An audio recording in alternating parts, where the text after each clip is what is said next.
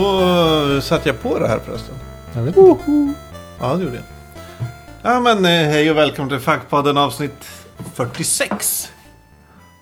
Vad tittar du på Ivan? Jag kollar om du spelar in. Ja, Du verkar det- osäker så jag vi. tänkte dubbelkolla det här. Eh, Även det här avsnittet är det jag, Ivan och Sia som Ja. spelar in. Hej Sia, Hej, hur mår du? bra. Vad trevligt. Hur mår du? Jag mår bra. Hur mår Ivan? Jag mår bra. Hur känns det nu efter, efter ett helt avsnitt? Efter ett helt avsnitt. Eh, nej men alltså jag tycker att det känns rätt bra liksom så här. Mm. Ja, sen så känns det väl lite jobbigare att det, liksom, att det kommer att finnas en länk på nätet. Så att man finns liksom för nedladdning. Mm. Ja, det, den biten tycker jag kanske känns lite jobbigare. Den, den är så abstrakt så att det Ja. går inte att greppa ändå. Nej, precis. Ja, vi kan klippa bort det ur det här avsnittet. så stor tomhet där. Bara det. Lägga in lite vitt brus kanske. Ja. Ja, nej. Nej, men du är välkommen tillbaka. Tack. Kommer du bli besviken när Anders kommer tillbaks? Om, kan, ja, snart. Nej, Nej. nej, Du vill inte att vi ska kicka honom? nej. Synd. Äh, nej, jag menar... Vi älskar Anders. Ja. Hej Anders. ja, men vad, vad härligt. Ehm, är det någon som har tänkt på något på sistone? Nej, Nej, det det var inte det. Vi hade ju någon sorts lösa planer på att vi ska prata om mat i det här avsnittet. Hur känner ni inför det? Eh, inte hungrig direkt. Det var min, första, min första instinkt. Hungrig? Nej. Nej, inte. Nej. Sugen? Eh, kanske det. Jag vet inte. Det är kul. Jag, ja, jag, jag har tänkt lite på det. Vi pratade om det förut. Eller vi nämnde det kvickt att vi kanske skulle prata om mat. Mm. Eh, tänkte liksom, vad fan ska man säga om det? Mm. I en sån här kontext. Man kan inte riktigt säga, ja, igår så åt jag det här. Nej, ja, det blir ganska tråkigt. Ja, så att det så här, tänker man liksom, men vart ser man mat ganska ofta? Och då kommer jag att tänka på en historia jag läste. Jag läste en sajt som heter Ain't It Cool News för ganska länge sedan. Mm. Eh, en kille som recenserar filmer. Och han, det är intressant, jag gillar honom. Han recenserar, jag har inte läst den sajten på jättelänge nu. Jag tyckte att den blev konstig och svår, svårhanterad. Extremt ful sajt är det. Ja, alltså den blev pl- plottrig eh, efter ett par år. Tyvärr. Men det var intressant. Han hade i alla fall en, en kommentar. Han såg den nya eh, Psycho. Ja, nya Psycho. Mm. Eller, det- eller nej, det är det inte. Vad heter det med Bates Motel? Är det Psycho? Det är säkert. Ja, nya Psycho har han sett. Och han hade en kommentar kring, eh, kring just mat i den filmen. Var att i, I gamla Psycho så finns en scen när han äter middag. Tillsammans med sin hotellgäst. då Tror jag. är. Eh, och då, eh, i, i den gamla filmen som filmades av, oh, nu fick jag brain fart. Hitchcock. Hitchcock. Tack. ja, namn. Eh, så, så Hitchcock är så välkänt jättebra filmare, filmskapare. Så filmare. Och han har fokuserat scenen på en bit uppe, alltså, eh, hur ska man säga, nu pekar jag på mitt bröst här. Eh, härifrån och uppåt så att säga. Alltså, från Man bröst- ser inte bordet. man ser inte bordet. Så att man fokuserar väldigt lite på maten. Medan i den nya Psycho så har de filmat hela scenen eh, lite längre ifrån så att man ser maten också. Och att de äter. Och då blir man helt plötsligt, man tappar fokus helt plötsligt från karaktärerna. Då fokuserar man bara på vad de äter. Och på att de äter. Intressant, för är inte remaken av Psycho liksom en shot by shot remake? Ja, men inte riktigt. Då De har, är de, ibland lite mer utzoomade. Ja. insatser. då har missat liksom en ganska stor poäng. Och det är att här, när folk äter så har man väldigt svårt att inte fokusera på att de äter. Och det, det är en sån här grej som till exempel man tittar på, på Gudfadern. som ni snackar om. Eh, så här, fan vad de äter. Ja, de äter väldigt mycket. Men det är liksom, jag tror att det är beräknat. Att man ska liksom, det ska kännas lite hemtrevligt och, så här, och härligt. Man ska Men- liksom bonda med de här människorna. Ja, jag tänker också ofta, för det kommer väl upp lite så här att det ofta är italienska, lite maffiafilmer. Och det känns ju nästan som en karikatyr av italienaren. Just för att Italien har gjort sig känd liksom som så här, matens land lite. Mm. Så där, att, det, att det blir väldigt... Och det kanske så här, rullar igång, alltså de kanske f- göder varandra. Men att det ofta framställs som Ja. att det är väldigt mycket mat i italienska filmer. Du menar att det, det är liksom... Att de äter mycket maffiafilmer är bara en fortsättning på den här stereotypen av italienare. Liksom. Att det är en del av... Ja, lite. Ja. Jag, jag tänker att det också Ja. var kallt beräknat. Alltså i den filmen. Med att eh, de scenerna som utspelar sig när de äter mat är ganska ofta scener där, där karaktärerna på något sätt eh, liksom bondar med varandra i en slags familjär situation. Det är ju inte alltid familjen, ibland så äter de ju liksom ja, tillsammans bara, männen på något sätt. Mm. Men, men maten gör att det känns hemtrevligt. Alltså man har ju middagsbjudningar av en anledning för att man liksom på något sätt eh, har lätt att liksom, kop koppla an till folk runt mat. Mm. Typ så här, du äter, jag äter, vi äter samma mat. Vi måste vara vänner. Nej, men det blir lite så. Alltså jag tänker mig att det är något så här, liksom, så här ur, urmänskligt. Mm. Typ så här, tillsammans äter vi den här maten, därför är vi liksom eh, vänner och ett gäng. Liksom. Jag tänker mig att det är samma Absolut. sak där. Att man, man kopplar an till, till dem för att de äter ju så himla smaskigt. Alltså så här, Härliga Alltså pastasåser. bara runt bordet och alla får. Och det är så här, man, man blir liksom en del av den här gemenskapen. Mm. Och jag tror att det är liksom meningen för att man ska koppla an till karaktärerna som gör ganska vidriga saker annars. Så är det nog. Ja, det är ju samma sak i Maffiabröder och i Sopranos och sådär. Det är ju väldigt mycket mat. Men det är också väldigt mycket svek vid middagsbordet. Eller mycket konflikter. Mm. Och, och även om man ska ta första Gudfadern-filmen. Där sitter ju, i slutet sitter han ju och käkar med folk. Mm. Sen går han iväg, kommer tillbaka och skjuter ihjäl dem. Mm.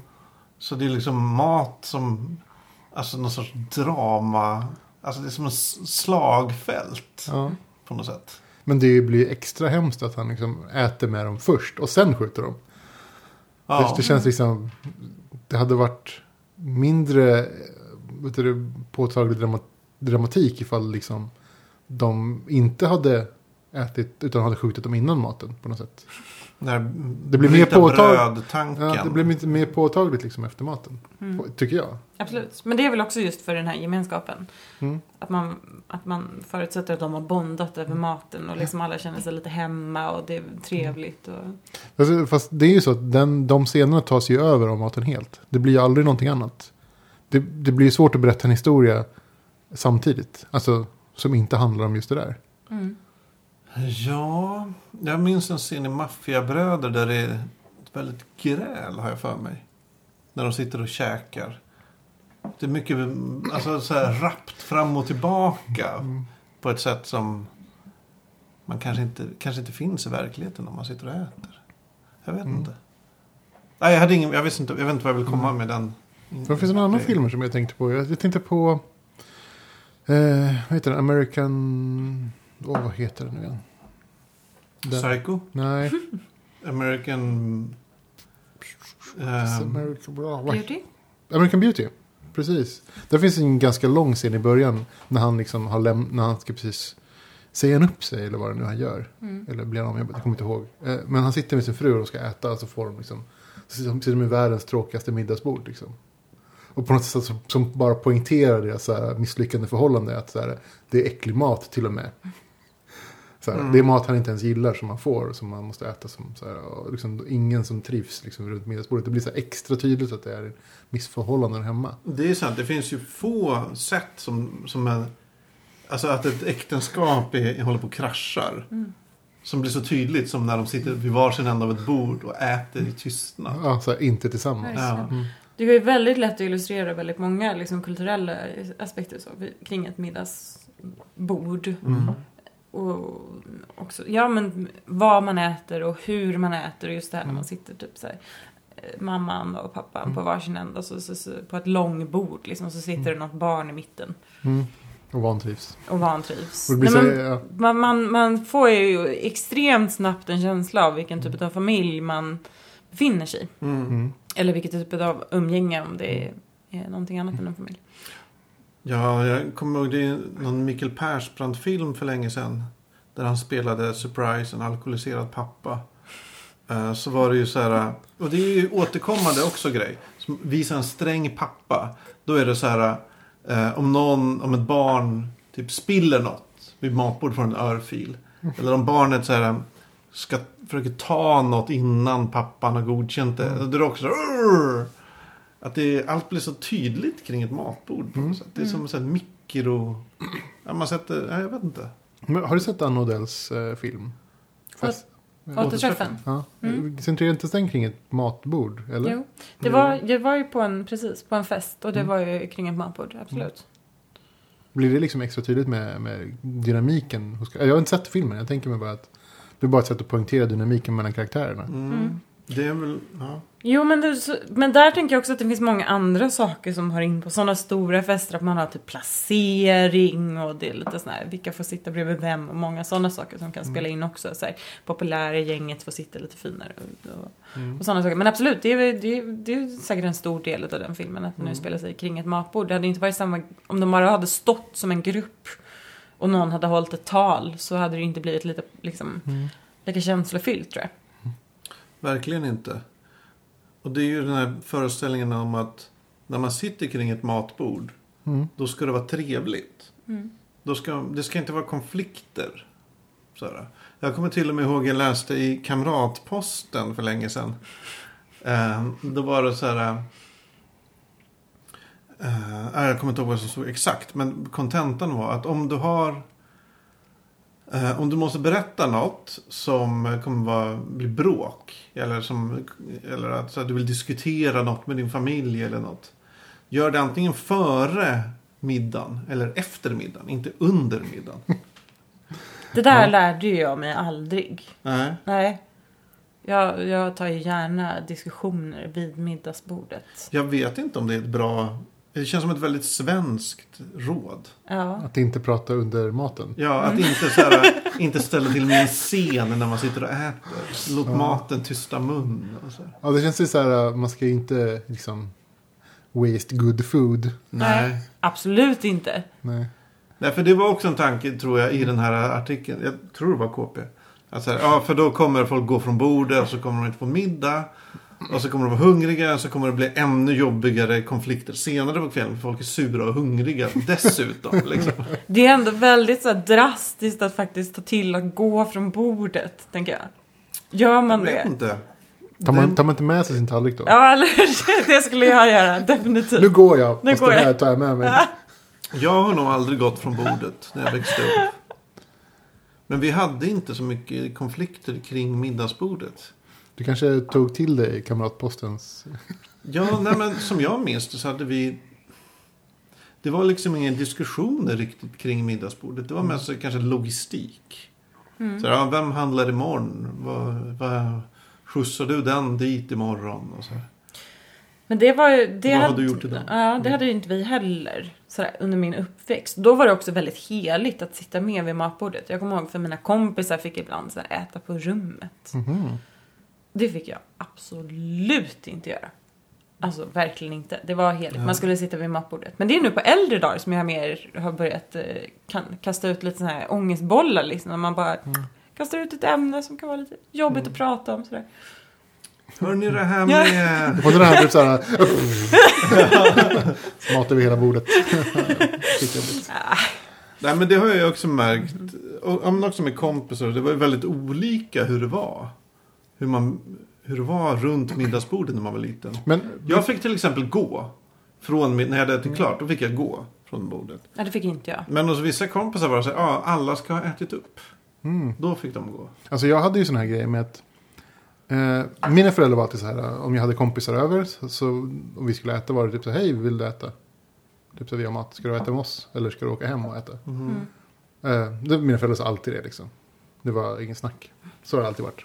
Men mina, jag tror jag berättade det förut. Hos mina vänner så var det lite, inte alltid så uttalat. Ibland Du var det typ så här, nu ska vi äta, hej då. Fick sitta, sitta och vänta på rummet eller så. Ja, Antingen fick jag vänta på rummet eller så fick jag gå hem. Mm. Vilket jag tyckte var så här, Det är ju ganska märkligt. jättekonstigt. Bjuda mig på? så var det ganska ofta hemma hos mig ska jag säga. Att dina kompisar fick vänta? Ja, ibland fick ja, folk som var kompisar, väldigt nära vänner, mina Mm. bästisar, typ, de kunde få käka. Och jag funderar en del på det där, för det är ju konstigt. Jag skulle ju inte bete mig så själv. Att så här, Det, jag, men ja. men jag, har, jag har grunnat en del och jag har en teori. Mhm. I min föräldrageneration, alltså födda 40, eller pappans fall 30. Eh, så när det gällde sociala saker som att bjuda folk på middag, att bjuda på fest och allt sånt. Så var det väldigt mycket ett varannan gång-tänk. Mm. Alltså att, ja men de bjöd ju oss, vi bjöd ju dem på fest senast. Nu måste de bjuda oss på fest. Eller bjuda över oss på fika. Eller bjuda, ja, att det skulle vara varannan gång oavsett vad det var. För att, ja, ja, jag vet inte, att det blev orättvist annars kanske. Jag har ingen aning vad grundtanken i det ligger. Men det var väldigt mycket varannan gång. Och eh, då tänker jag att om mina föräldrar skulle bara, på, bara ta för sig och bjuda mina vänner på middag. Mm.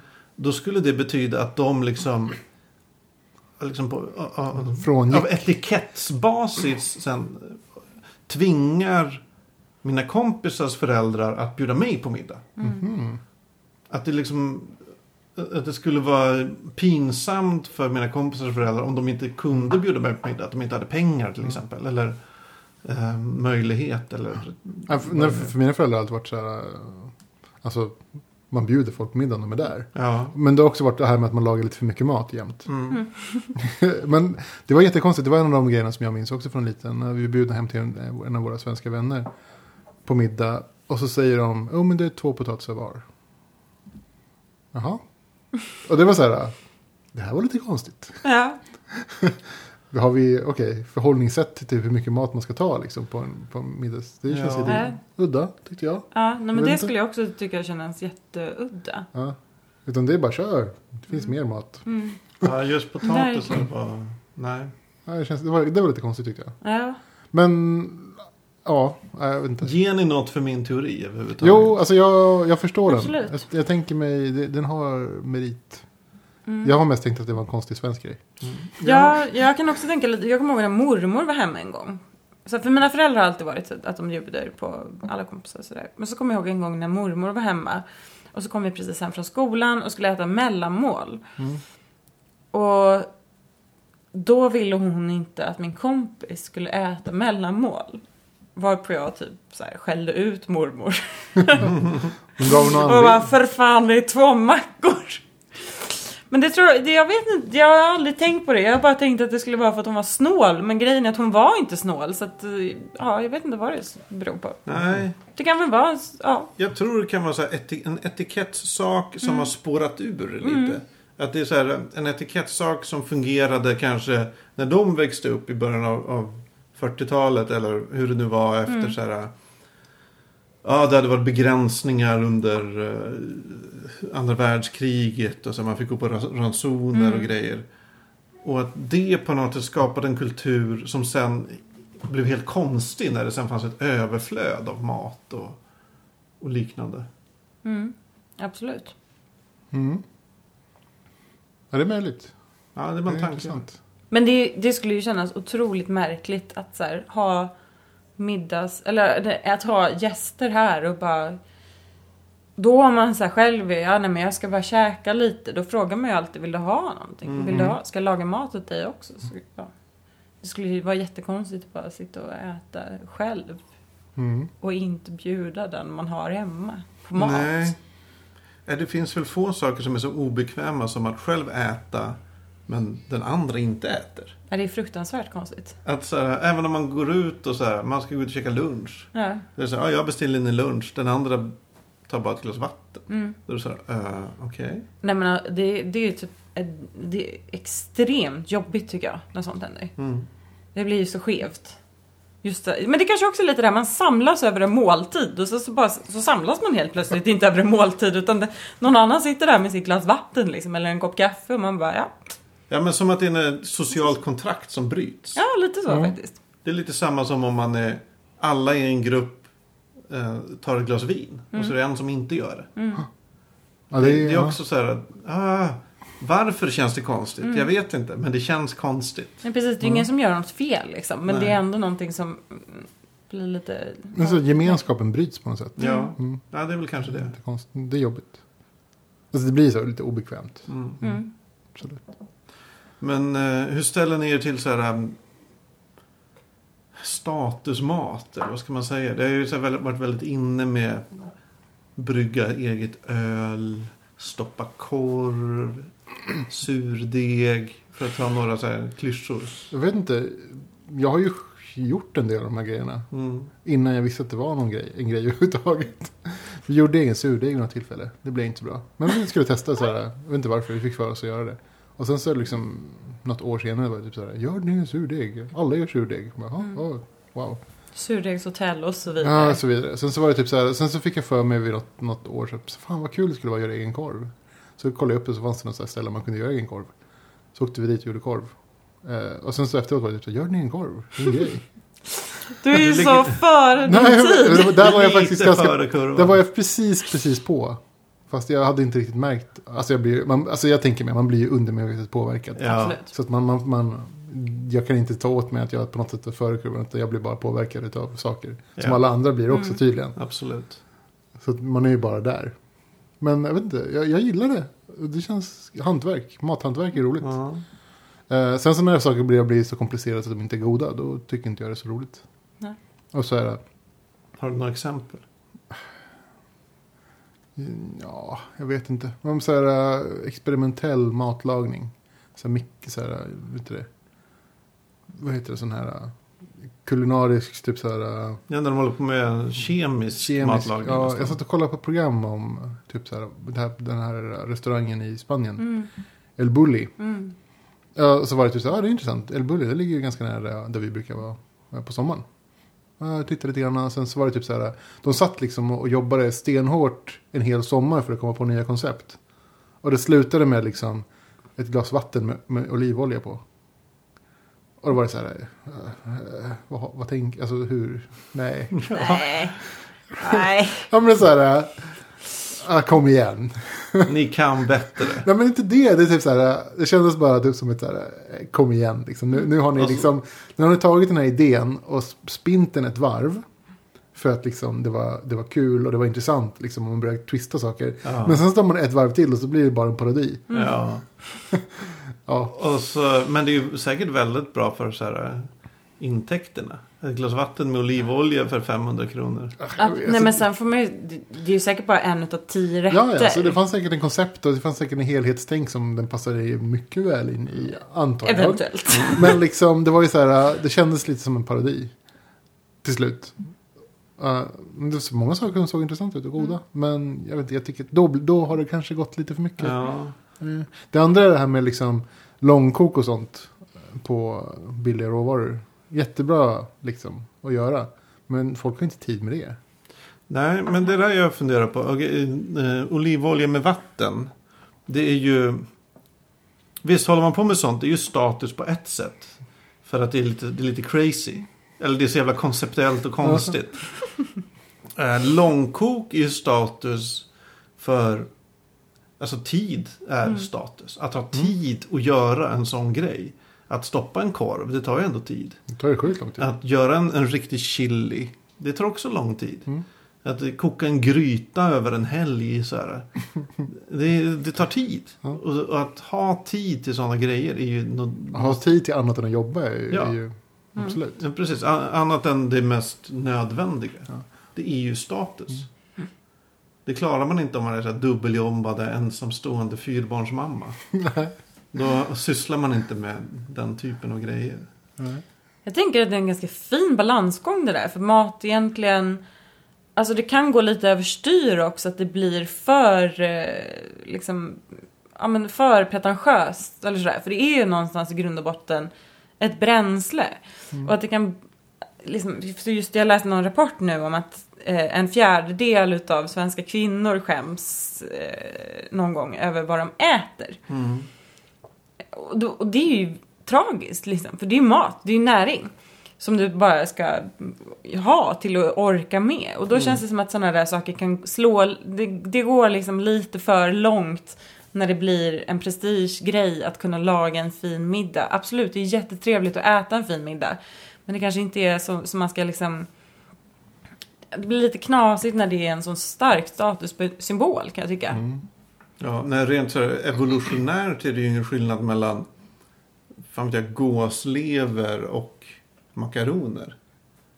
Just de två är lite olika eftersom den ena är kolhydrat Ja, ja, men, det, ja, men, okej, men gåslever och makaroner och korv. Ja, absolut. Alltså att det, det är samma bränsle som bränsle egentligen för kroppen. Ja. Och ja, ja, det är ju jävligt konstigt. Det är. Det tragiskt ja, att hörde folk... ni den Edlundska sucken? Ja, det, det den. gör det. Det gjorde jag. Ja, förlåt, vad skulle du säga? Nej men jag, jag tänker bara att det är tragiskt att folk skäms över vad de äter.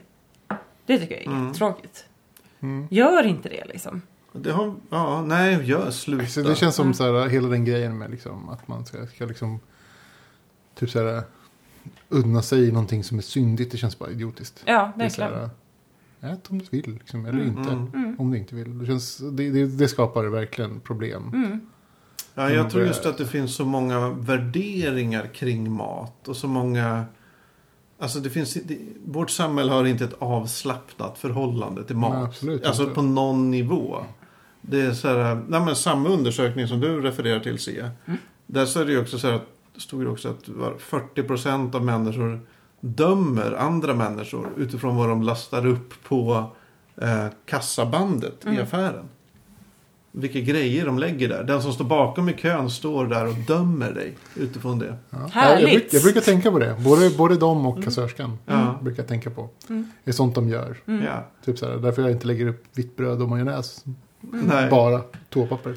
Nej men, så, så, ja, men så där blir man ju absolut. Mm. Att man, man tänker folk eh, dömer. Men det är ju det är också väldigt... Det gör de ju säkert också. Så det är inte... Nej, precis.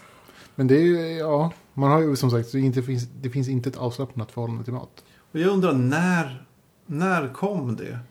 Att jag kan ha svårt att tänka mig att i bondesamhället att man var särskilt...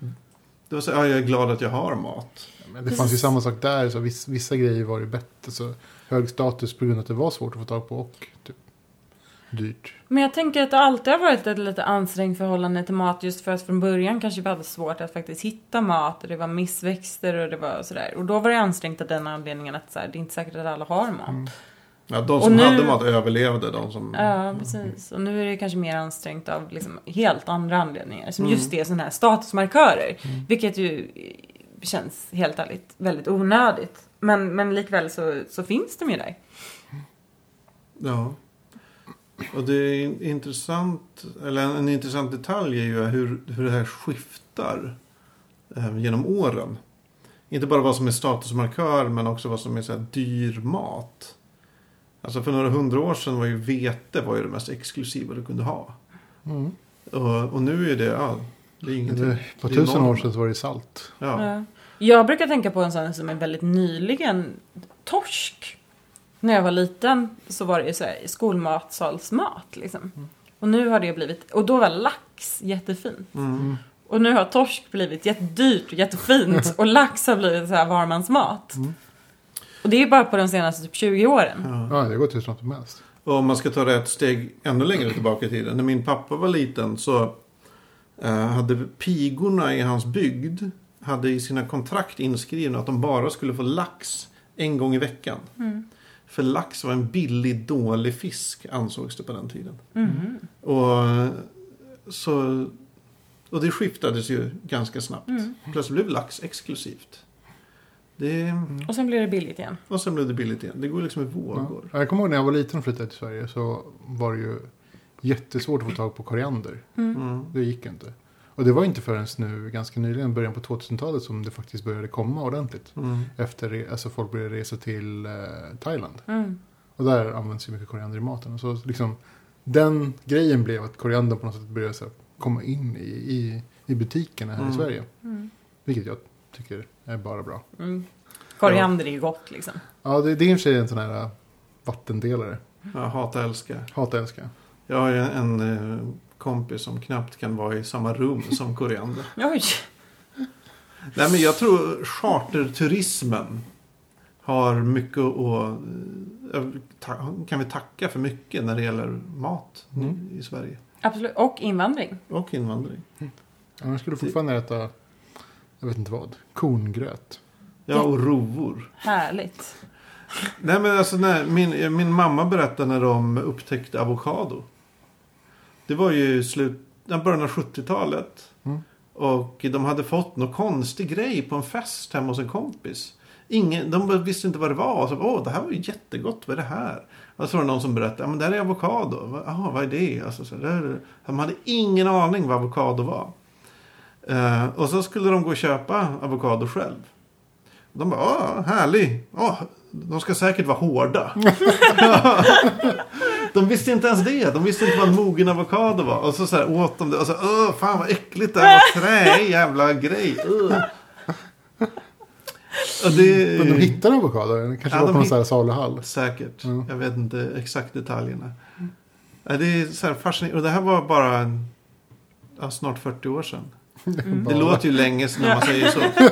Men ändå. Jag har svårt. Hur såg... Alltså matkulturen innan 70-talet måste ju ha varit... Fanns det olivolja? Fanns det... När kom aubergine Nej. till Sverige liksom? Ja, jag har ingen aning. Olivolja fanns ju inte. Det var ju någonting som fanns i apotek, på apoteket. Ja. Det kom ju in sent, eller 80-tal. Någonstans där. Sent Mm. 80-tal. Nej, det är fascinerande. Det är därför jag älskar program som Historieätarna. Ja, det är helt fantastiskt. Och när det är i höst det kommer nya säsongen. Ja. Mm. Jag, jag räknar dagarna. Jag tyckte det var ett jätteroligt program. Mm. Mest för att de gjorde, det, de gjorde det på ett kul sätt. Mm. Det var bra. Verkligen. Men nu Lotta Lundgren ska ju vara, ska ju vara med i, i ett nytt program på SVT som kommer. Där hon och GW Persson Just eh, det. ska ut och jaga. Just Lotta och Leif jagar eller något sånt där Oj, vad det. konstigt. Det är Ja, jättemärkligt. det Det är, kanske, ja, varför inte i och för sig. Men, ja. Vad Det- tycker du om sci-fi mat då? Mat i sci-fi-filmer? ja, jag har ju funderat lite på det. Okej, vad finns? Den blåa mjölken i Star Trek. Eller Star Wars, förlåt. Ja. Det är ju en klassiker. Eh, men Den levande maten i Star Trek. Att så Klingons alltid ska äta levande djur. Ja, det är ju en macho-grej. Det stämmer ju överens med hela deras krigiska machokultur. Ja, jo. Men jag tänker på som i, i, i, i Alien och i eh, Matrix. Mm. Så är ju maten, det är bara en grå sörja. Det är ju bara så här näringsämnena du behöver, inget mer. Mm. Uh, vilket är samma sak som den där klassiska ja, men så här Jetson-grejen. Att de äter ett piller till Mm. middag.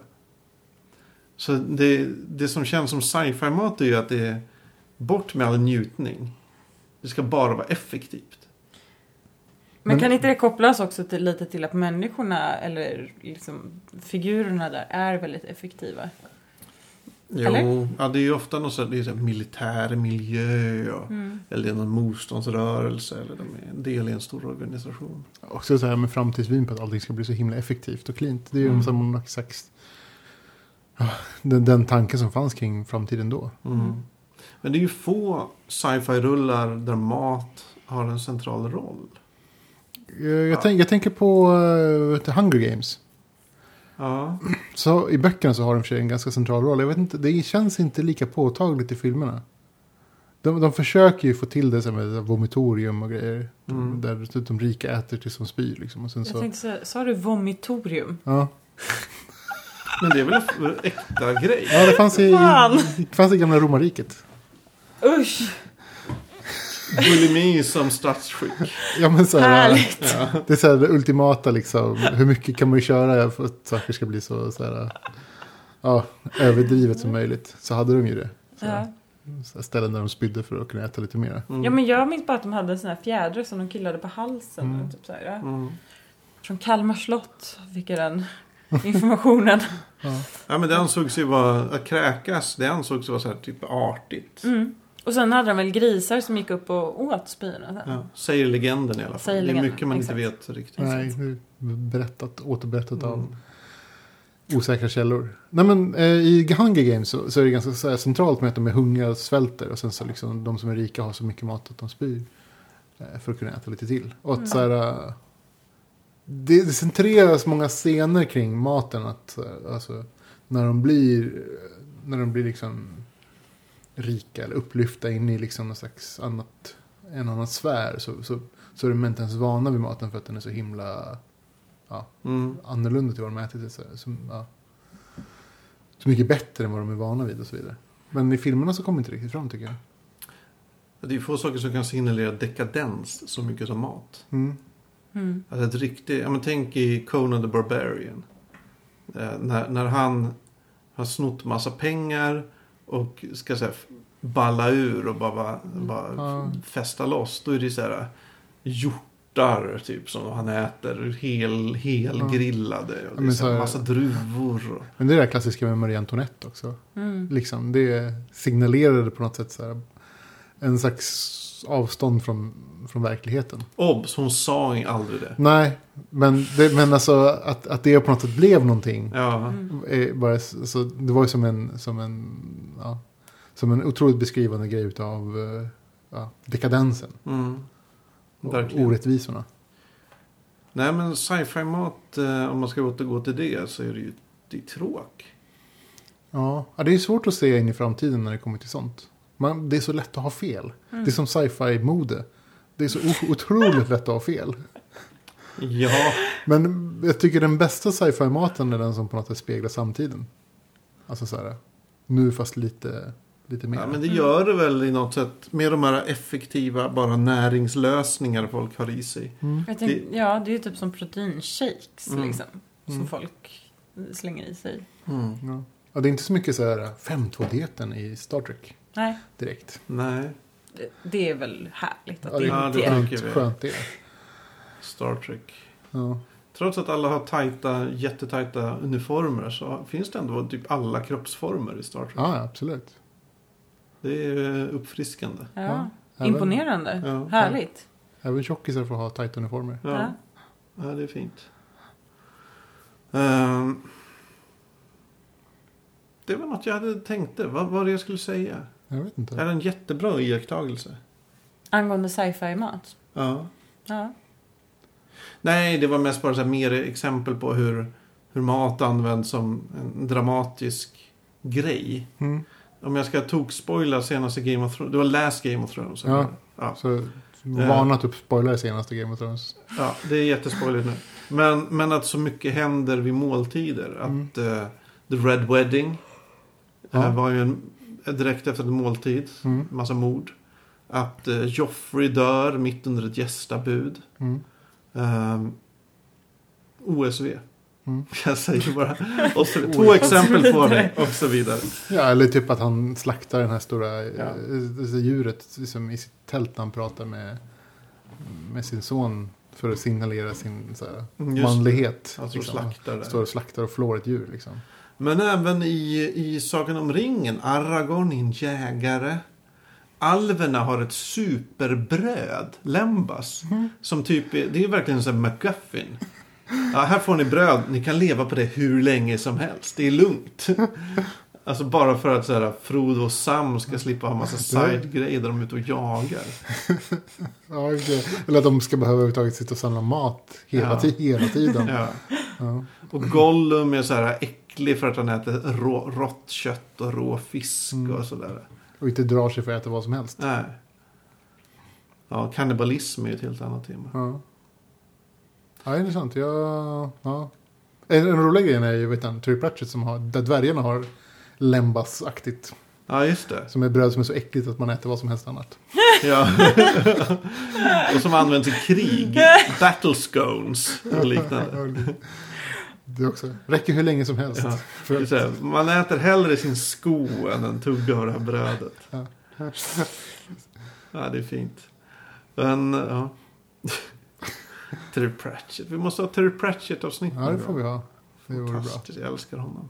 Har du läst? Ja, nej, jag tänkte, då, då, då är jag nog inte med. Tror jag. Nej. Nej, nej jag, jag har däremot sett eh, en utav böckerna i alla fall. Den som var typ 1087 sidor lång eller något.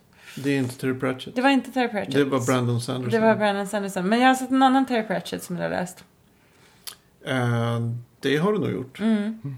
Jag kanske har visat det igen. Ja. amerikansk, det var engelsmännen som gjorde ett gäng serier på dem. Tv-serier. Ja.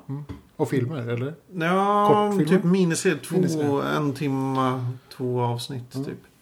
Faktiskt bra. Tycker jag. Och där, om man ska åter- återgå till mat, eller ta upp det. Där är det ju mycket att döden, som är en karaktär Mm. i, i Terry Pratchetts böcker, en sån här individ. Eh, han fattar ju inte det här med mat. Han, jag minns i, i Mort, boken, så eh, håller han på så här och bara, ja men testar att käka curry, typ. Och det är så här, jaha, nej, han har ingen smaklökar, för han är bara ett skelett och en idé, mer än en person. Mm. Och det, det är mycket sådär. Och, Mm. Och hur, eh, för att visa hur, hur dekadenta hela den här eh, Unseen University är, trollkarlarna. Så är det att de har så här, "Åh, äh, vi har tvungna att skära ner till åtta mål mat om dagen nu. Det är ju så lite tajt med finanserna. Ja, det är, ja. Men eh, om, om kan, kan man avskaffa mat? Eller? Jag tror inte det. Jag tror att uh, sci-fi-pillret inte kommer bli en hit. Även om det skulle komma idag. Mm. Här får du ett piller som täcker alla dina behov så skulle Mm. du fortfarande äta hamburgare. Jag tror också att det blir svårt. För mat är ju liksom lika mycket kulturellt och socialt som det är närings... Liksom, Mm. mässigt nödvändigt. Ja. Eh, Ja. och det känns ju också som att mat blir viktigare och viktigare som social liksom, konstruktion, eller liksom, som en social aktivitet. Alltså, jag tror att om de skulle släppa en sån här piller som, som täcker alla dina behov. Så skulle det bli ett jävla problem. Folk skulle typ dö. Skulle glömma bort att ta det här pillret. Mm. Jaha. Jättejobbigt. Ja, men så här, man ska aldrig komma ihåg. Alltså, när det inte blir liksom en social grej eller en kulturell grej. Så, nej, om man skulle avskaffa det plötsligt skulle det bli ett jävla problem. Alltså. Ja. Man skulle bara glömma bort det. Och hur skulle bi- man är ju rädd för biverkningar. Mm, det är man också. Ja, Jag vet inte. Men jag tänker alltså, det låter ju bara så sorgligt att man skulle komma hem så här, en fredagkväll efter en arbetsvecka. Mm. Och så tar man ett piller. Och det var den fredagskvällen mer eller mindre. För mig är ju så här, fredagkvällar ganska mycket så här, ja men man kanske lagar lite god mat, Mm. dricker lite gott vin, tar en kopp kaffe. Det är liksom, det blir, hela kvällen handlar i princip kanske om nästan mat. Ja, verkligen. Ja, hur skulle man få sina kvällar att gå? Om man inte behövde laga mat? Ja, Ja, verkligen. precis. Ingen ost. Ingen ost. Fy det, hade ju, det hade ju varit fruktansvärt. En dealbreaker. Ja. Nej, det går inte. Nej, men jag tror så länge... Alltså, mat är ju njutning också. Mm. Det är ju det som är... Det är väl det som är lite grejen. Alltså problemet och slash det som är bra. Ja. Mm. Eh, Så länge det är, man inte kan få samma njutning av ett piller. Och så länge det inte... Alltså just det här med att det är status, att det är njutning, att det är etc. Mm. Eh, det är, jag tror, nej. Vi har nog, vi får sitta här med våra mackor och Mm. pastasallader och allt vad det är. Det är nog bara det vi får göra. Ja. Jag känner ju ändå att det här med ost är ju en, är en bra sak. Mhm. Jag tänker till exempel, jag och mina kompisar brukar fråga varandra om man bara fick äta tre ostar resten av sitt liv. Vilka de skulle vara. Nu får ni inte så lång betänketid, men jag undrar Nej. ändå, vad skulle, vad, vad liksom, ostar? Manchego, apfelceller extra och eh, ja, någon vanlig hårdost. Ja. 12 månaders lagrad. Men då har du ändå bara hårdostar med där. Mm, jag är mer hårdrostmänniska. Mer hårdost, ja. Men vad, vilka, okej, manchego är spansk eh, ost. Ja, Uh, Appenzeller extra, vad är det för något? den är från Schweiz. Aha. Mm. Schweiz. Gott. Den är jättegod. Mm. Sm- Lite det, som gruyère. det är den som luktar strumpa. Mm. Typ. Okej. Asmycket strumpa. Mhm. Det beror lite på hur lagrad den är tror jag. Ja, just extra är extra lagrad. Den luktar jättemycket strumpa. Ja. Men sen skulle jag gärna ha en vanlig, vanlig så här, hushållsost. Alltså så här, en ja, 12 månaders, eh, vad heter det? Herrgård. Mm. Okej. Absolut. Mm. Ja, jag skulle nog välja, jag har ju fått upp ögonen för en ost som heter primadonna. Så snor du den. Ja. Ja. ja, men den är ju så jävla god. Ja, den är faktiskt... Jag kommer att tänka på det nu, att det ligger en jättestor bit primadonna i kylen. Som jag tror att vi kommer att smaka lite av Det snart. tror jag, det tror jag kommer hända. Ja. Nej, men det är alltså, alltså den är typ parmesan fast lite nötigare kanske. Mm, och lite mildare. Ja, otroligt god. Eh, den skulle jag ha. Sen skulle jag ha den danska osten Havarti. Som när den är som mest lagrad kanske och luktar bajs. Nej, inte riktigt, alltså inte riktigt så illa. Men den luktar jättemycket. Men den är så god. Ah. Ah. Och eh, som tredje förut hade jag tänkt när jag gjorde den här listan i mitt huvud. Att nummer tre skulle vara en, en härlig parmesan. Den kan vara det, men jag tror kanske att jag tar en, en härlig mozzarella istället. Mm. Jag är inget riktigt mozzarella-fan. Nej, Parmesan, parmesan med honung på. Det är fantastiskt. med honung. Det har inte jag testat. Testa det. Parmesan med, eller överlag ost med typ så här pepparrotsmarmelad. Eller senapsmarmelad. Det här låter ju helt bisarrt. Jag brukar vara nere i Alperna lite sådär någon gång per år. Där har de väldigt mycket konstiga marmelader. Fantastiskt gott till. Alltså det är som fruktmarmelad med typ se- hela senapsfrön i. Jätte, jättegott. Eller med riven pepparrot i. Intressant. Mm. Jag brukar köra fikon och ja, sån, sån typ av marmelad. Mm. Så klassisk ostmarmelad. Mm. Ja, intressant. Mm. Värt att kolla. Mm. Det finns ett fikonbröd man kan köpa från Spanien. Vad Jaha. heter det? Eh, fikonbröd. Jaha. Ja, Så om, vi, om jag går till Hemköp imorgon och frågar så här.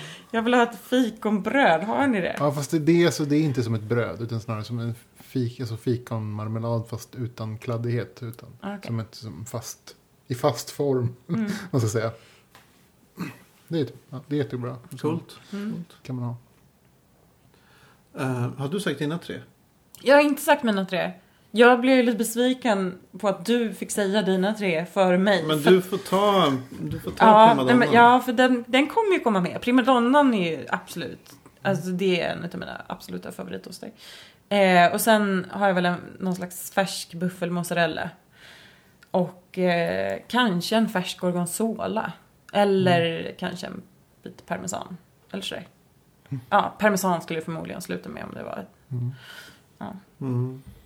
Sankta Gur har ju en, en eh, honorable mention. Ja, Mm, absolut. absolut. Jag med. Mm, Mm. väldigt god.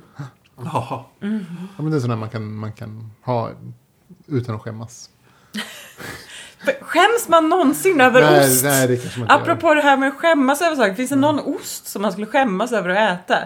Kanske s- Ja, så här Baby Bell eller något sånt. Vad heter nej, den? Baby. Bell eh, tycker jag är fin. Den Ja, okej. äter jag ibland. Alltså inte, den är inte fin fin men den är liksom bara den Härlig. är härlig. Ja. Gott med Baby Bell. Som Sarah Silverman säger. I, I wanna fuck that cheese. Okej. Ja, den, den är god. Nej, men jag har väl någon gång, och då gjorde jag en grej av det för att det var lite pinigt. Köpte jag typ bara, ja men ge, ge mig ert största block ost. Sa jag på Hemköp. Typ. Eller jag sa inte det, jag gick bara till disken och tog Mm. det största de hade. Och det var ju liksom någon vakuumpackad.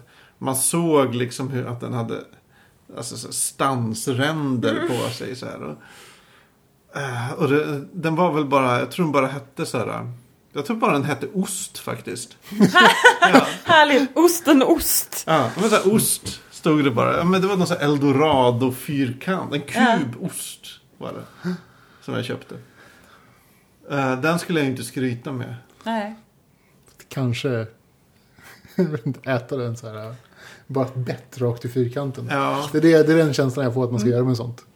Bara Mm. Jag- bita jag använder rakt, det- rakt i blocket. Bara. Jag använde den typ till så här. Om jag stekte en hamburgare tog jag den på. Eller. Jag vet fan vad jag använde den till. Så mycket hamburgare käkar jag inte. Nej. Riva över pasta kanske. Mm. Mm.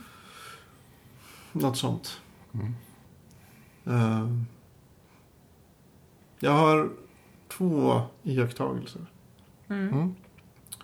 eh, som har med fantasyböcker att göra. Mm. Den första också har med Game of Thrones. Där i böckerna så äter de alltid lemon cakes. Hela tiden är det någon jävla lemon cake. Okej.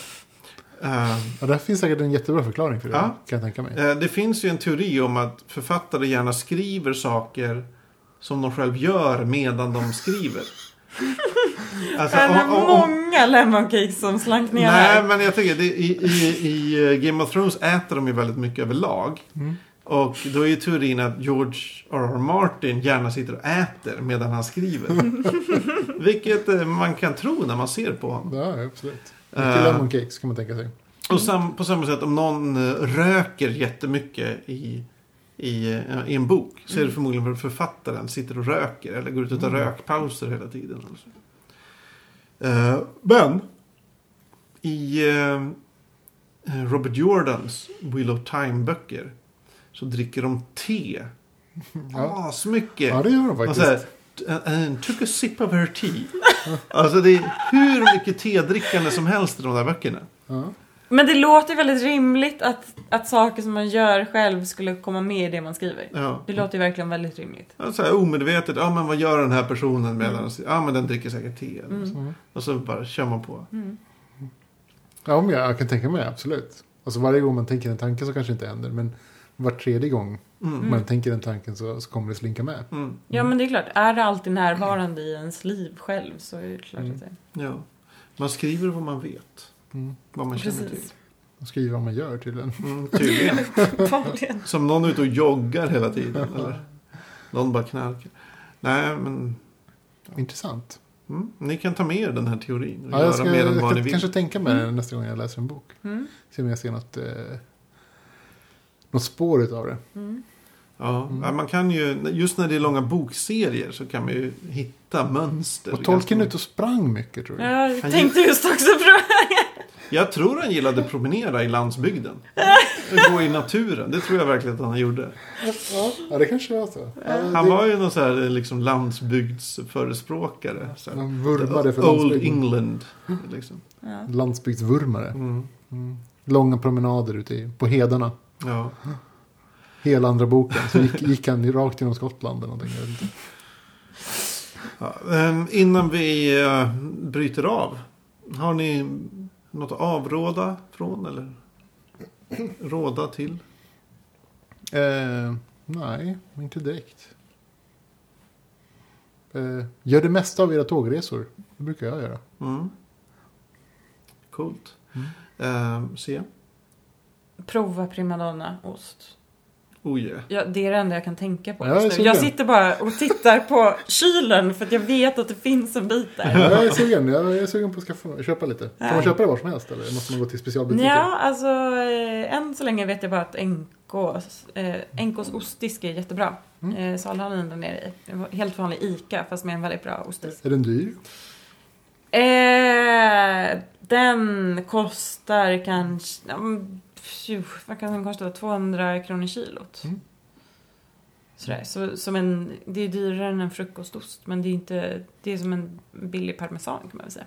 Mm. Mm. Mm. Jag skulle vilja råda till eh, mitt nya tilltag på jobbet. Mm. Att då och då ta en läslunch.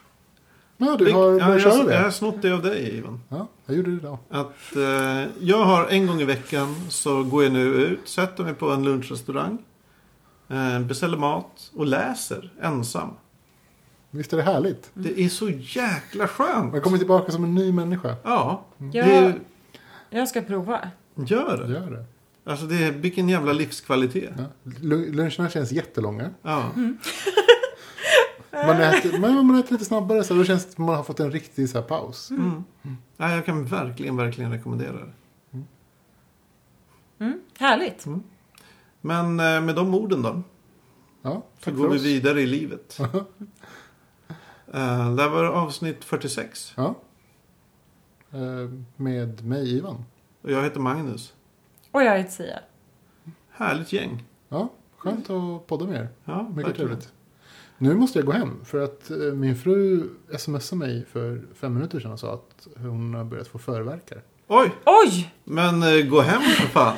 Eh, jag tänkte mig att det var bara fem minuter. Jag tänkte att vi kanske var nästan färdiga. Så, jag tänkte, Ja, vi är färdiga. Det är bra. Ja. så att nästa gång så kanske jag har ett till barn. Jag vet inte nu. Ja. Jag, nu ska jag hem och kolla läget. Ja, men vad spännande.